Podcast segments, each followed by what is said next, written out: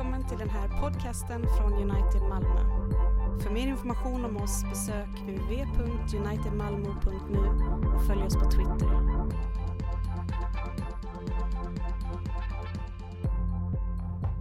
Vi lyssnar till denna söndagens episteltext från Efesierbrevet 5. Ta alltså Gud till föredöme som hans älskade barn. Lev i kärlek så som Kristus har älskat oss och utlämnat sig själv för vår skull som en offergåva. Ett välluktande offer åt Gud. Otukt och annan orenhet eller själviskhet får det inte ens vara tal om bland er. Det anstår inte de heliga. Inte heller oanständigt och tanklöst eller lättsinnigt tal. Sådant passar sig inte, utan bara tacksägelse till Gud. Ni vet ju mycket väl att ingen kan få del i Kristi och Guds rike om han är otuktig eller oren eller självisk, alltså avgudadyrkare. Låt ingen lura er med tumma ord. Det är sådant som drar Guds vrede över olydnadens människor. Har därför ingenting med dem att göra. En gång var ni mörker, men i Herren har ni nu blivit ljus. Lev som ljusets barn. Ljuset bär frukt överallt där det finns godhet, rättfärdighet och sanning. Så lyder Herrens ord. Gud, vi tackar dig.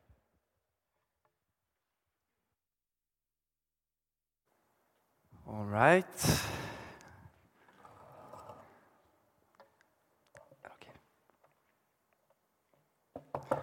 Då har det blivit dags för the young blood to step up again. Vad det det står i första Timoteusbrevet? Låt ingen se ner på dig för att du inte kan odla ett ordentligt skägg. Nej, det finns hopp för mig. och Kaj. Innan vi tar itu med texten så vill jag att du ska föreställa dig att du eh, sitter kring ett bord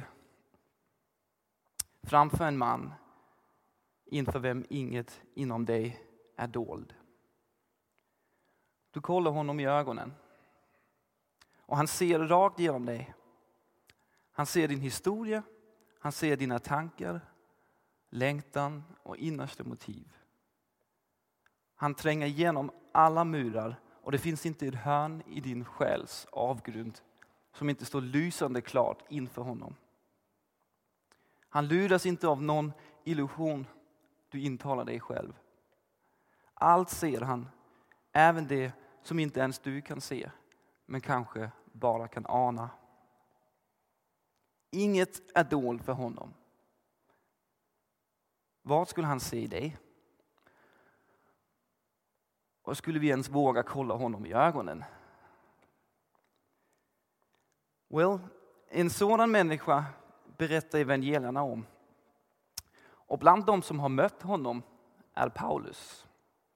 Om än det var i den sjunde himlen. Och ikväll sitter vi med ett par linjer från ett av Paulus brev till kyrkan. Passagen har man valt att läsa i fastan eftersom det handlar om att lägga sina avgudar ifrån sig och följa i Jesu fotspår och göra som han, att vandra i en kärlek lik hans. Han som älskade oss och utlämnade sig själv för vår skull. Ja, passagen börjar faktiskt med att säga att vi ska bli Guds mimetai, som betyder Guds imitatörer. Sådant som älskade barn är det. Visst är det en vacker bild? Att likt ett älskat barn önskar att imitera sin pappa, så ska vi som också är älskade barn av vår himmelske fader imitera honom. Visst är det vackert? Och kanske du just nu märker hur du grips av denna vision och någonting i dig liksom responderar på det eh, genom en önskan eller en längtan att få imitera vår Fader i himlen som vi ser honom i hans son Jesus Kristus.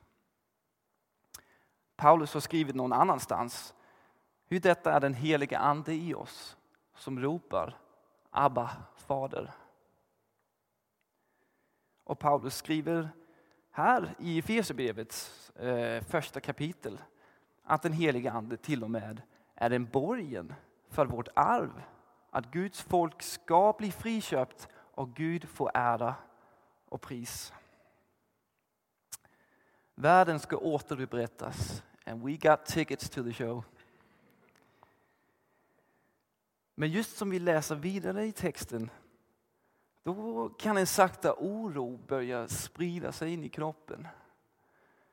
Vi hör orden otukt och annan orenhet eller själviskhet får det inte ens vara tal om ibland er. Det anstår inte de heliga. Inte heller oanständigt och tanklöst eller lättsinnigt tal. Sådan passar sig inte. Utan bara tacksägelse till Gud. Ni vet ju mycket väl att ingen kan få del i Kristi och Guds rike om han är otyktig eller oren eller självisk. Alltså avgudadyrkande. Vad i hela friden ska det betyda? Ja, men man står här med en giltig biljett till showen. och man står i kön inför security-checket och då är det som att man ser ett bild på sig på en skärm under rubriken Most wanted. If you see this guy, call the police. Så kan det i alla fall kännas när man läser texten. Är jag välkommen i Guds rike eller inte? Men det vore löjligt om detta kapitel var till för att göra oss osäkra på vår frälsning. Har du läst Efesierbrevet? Ja, om du någon gång faktiskt oroar dig för om du tillhör Gud eller inte, då skulle jag rekommendera dig Efesierbrevet. Här finner vi dessa underbara löften från Gud, så som i kapitel 1. Han har förut bestämt oss till att få söners rätt genom Jesus Kristus och förenas med honom. Det var hans viljas beslut. Till pris och ära för den nåd som han har skänkt oss med sin älskade son. I honom och genom hans blod har vi friköpts och fått förlåtelse för våra överträdelser. Och sen står det i nästa kapitel. Ty av nåd är ni frälsta, genom tron, inte av er själva. Guds gåva är det. Det beror inte på gärningar, ingen ska kunna berömma sig. Vi är hans verk, skapade genom Kristus Jesus till att göra de goda gärningar som Gud från början har bestämt oss till. Alltså kort sagt, om det finns någonting Paulus önskar att säga i detta brev, då är det att vår frälsning inte beror på våra gärningar, men på Jesu Kristi verk för vår skull. Nej, texten här idag är inte till för att ifrågasätta din frälsning. Och därför står dagens text just i brevets sista halva del, så att den kan läsas djupt rotad i evangeliet. It is finished, done deal. Evangeliet är, ta emot att du har blivit tagen emot. That's so simple. Och då kan vi gå till dagens text igen. För det ser ut som om Paulus har något helt speciellt han önskar att säga här i brevets sista halva del också. Texten idag den uppmanar oss att föreställa oss Guds rike. Här har du då det första av bara två punkter ikväll. Att föreställa sig Guds rike. En dag ska vi alla dö. Och sen ska vi uppstå på den nya jorden. Vad kommer du att se när du slår upp ögonen på andra sidan? Kommer du att se åtyktiga, orena, själviska människor? Kommer det finnas avgudadyrkan i himlen? Nej, det var ju dumt om det var så. Och då när det står i dagens text att åtyktiga, eh, orena och själviska inte ska få del i Guds rike så är det ju sant. För sådana människor kommer nämligen inte finnas där. Man kunde återge texten så här. Sådana människor är inte ni, för sådana människor ska inte ärva Guds rike. Men ni ska ju ärva det. Med andra ord är dagens text en beskrivning av det vi kommer att bli och redan är i Herren. Han skriver ju, en gång var ni mörker, men i Herren har ni nu blivit ljus. Lev som ljusets barn. Och när nu Paulus känner att han måste mana kyrkan att leva som ljusets barn, då kan vi faktiskt dra två slutsatser. Ett, fast vi är ljus i Herren så är det möjligt att leva som om vi inte är det. Och två, det måste vara möjligt i alla fall i något avseende att börja vandra i, i ljuset redan nu i detta livet. Hur? Och hur mycket kan vi det? Det är en fråga fastan kallar oss att brottas med. Och nu måste jag säga igen att detta inte handlar om att bevara eller mista sin frälsning. Vet du, det finns andra skäl att göra goda gärningar än för din frälsnings skull. Man kunde lite provocerande säga att goda gärningar som är gjorda för ens egen frälsnings skull inte alls är goda gärningar. Tack och lov att Gud har frälst oss från det. Så vi helt och hållet kan bekymra oss för våra medmänniskor. Och inte tänka på vad, vad våra handlingar eller brist på handling säger om oss själva. Nej, vi kan blott, blott se vår medmänniska i ögonen och där i hitta skäl att handla.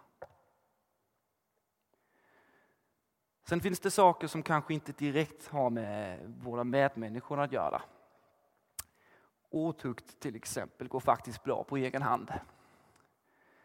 Här kallas vi att föreställa oss den nya jord och fråga oss själv om det vi håller på med också är någonting vi kommer hålla på med i Guds rike på den nya jord.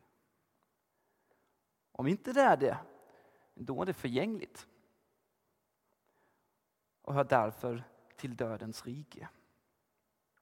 Och vi kallas att se till det oförgängliga livet. Därför låter Paulus bön så här i början av Efesierbrevet. Må han ge ert inre öga ljus så att ni kan se vilket hopp han har kallat oss till, vilket rikt och härligt arv han ger oss bland det heliga. Kära vänner, det vi inte med handen på hjärtat tror att vi kommer hålla på med när vi ska uppstå igen. Det är inte värt att låta uppta våra liv. Nu pratar vi inte om sorg, tröst, mission, tro och hopp. Sådana saker som finns i Guds rike som en naturlig respons i en brusten värld. Som också hör till Guds rike. Eh, och sådana saker som försvinner när Guds rike väl kommer i all sin härlighet. Det vi pratar om är något annat.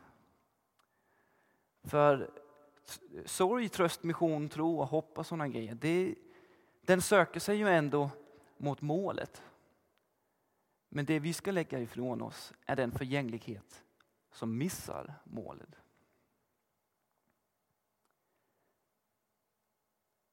Tänk på vad Herren vill ha, skriver Paulus i versen precis efter dagens text.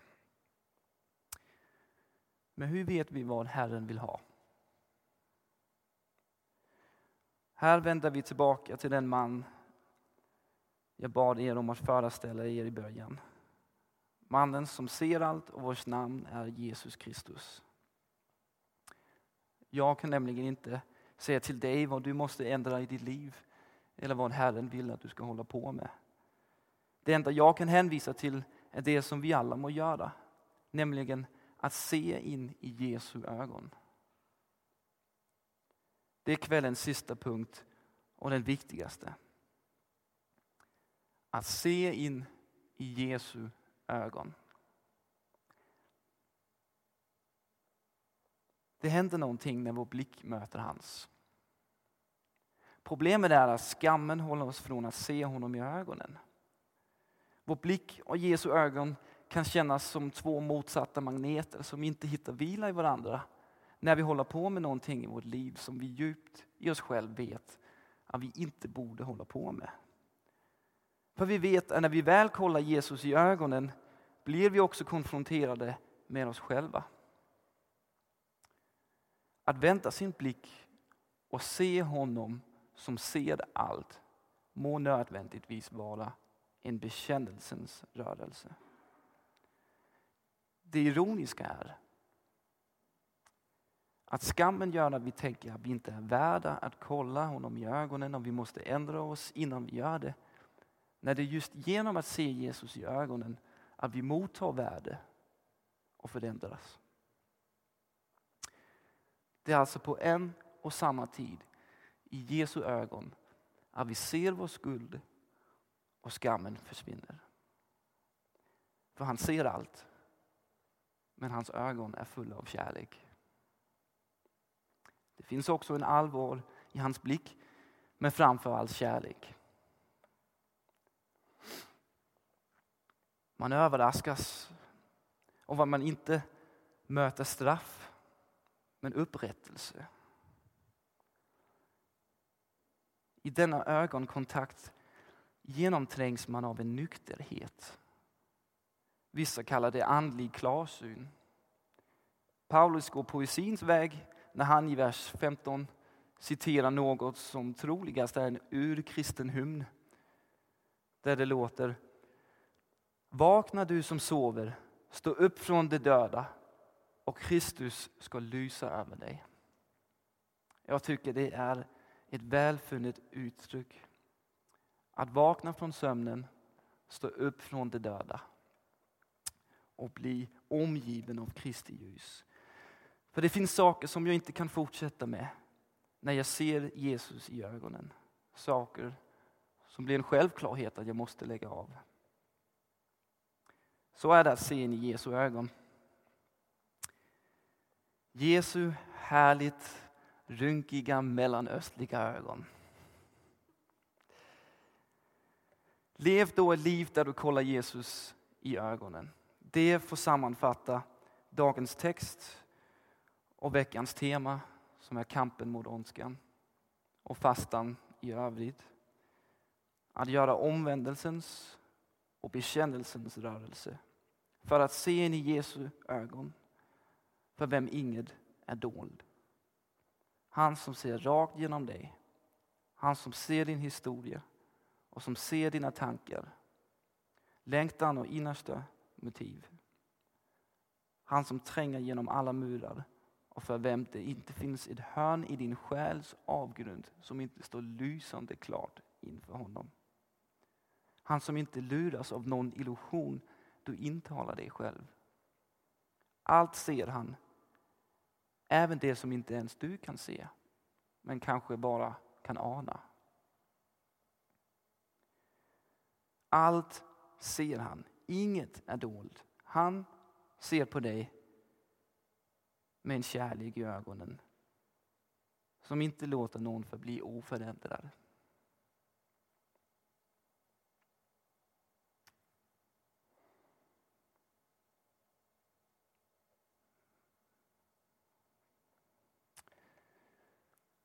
Faderns och Sonens och den helige Andes namn. Amen.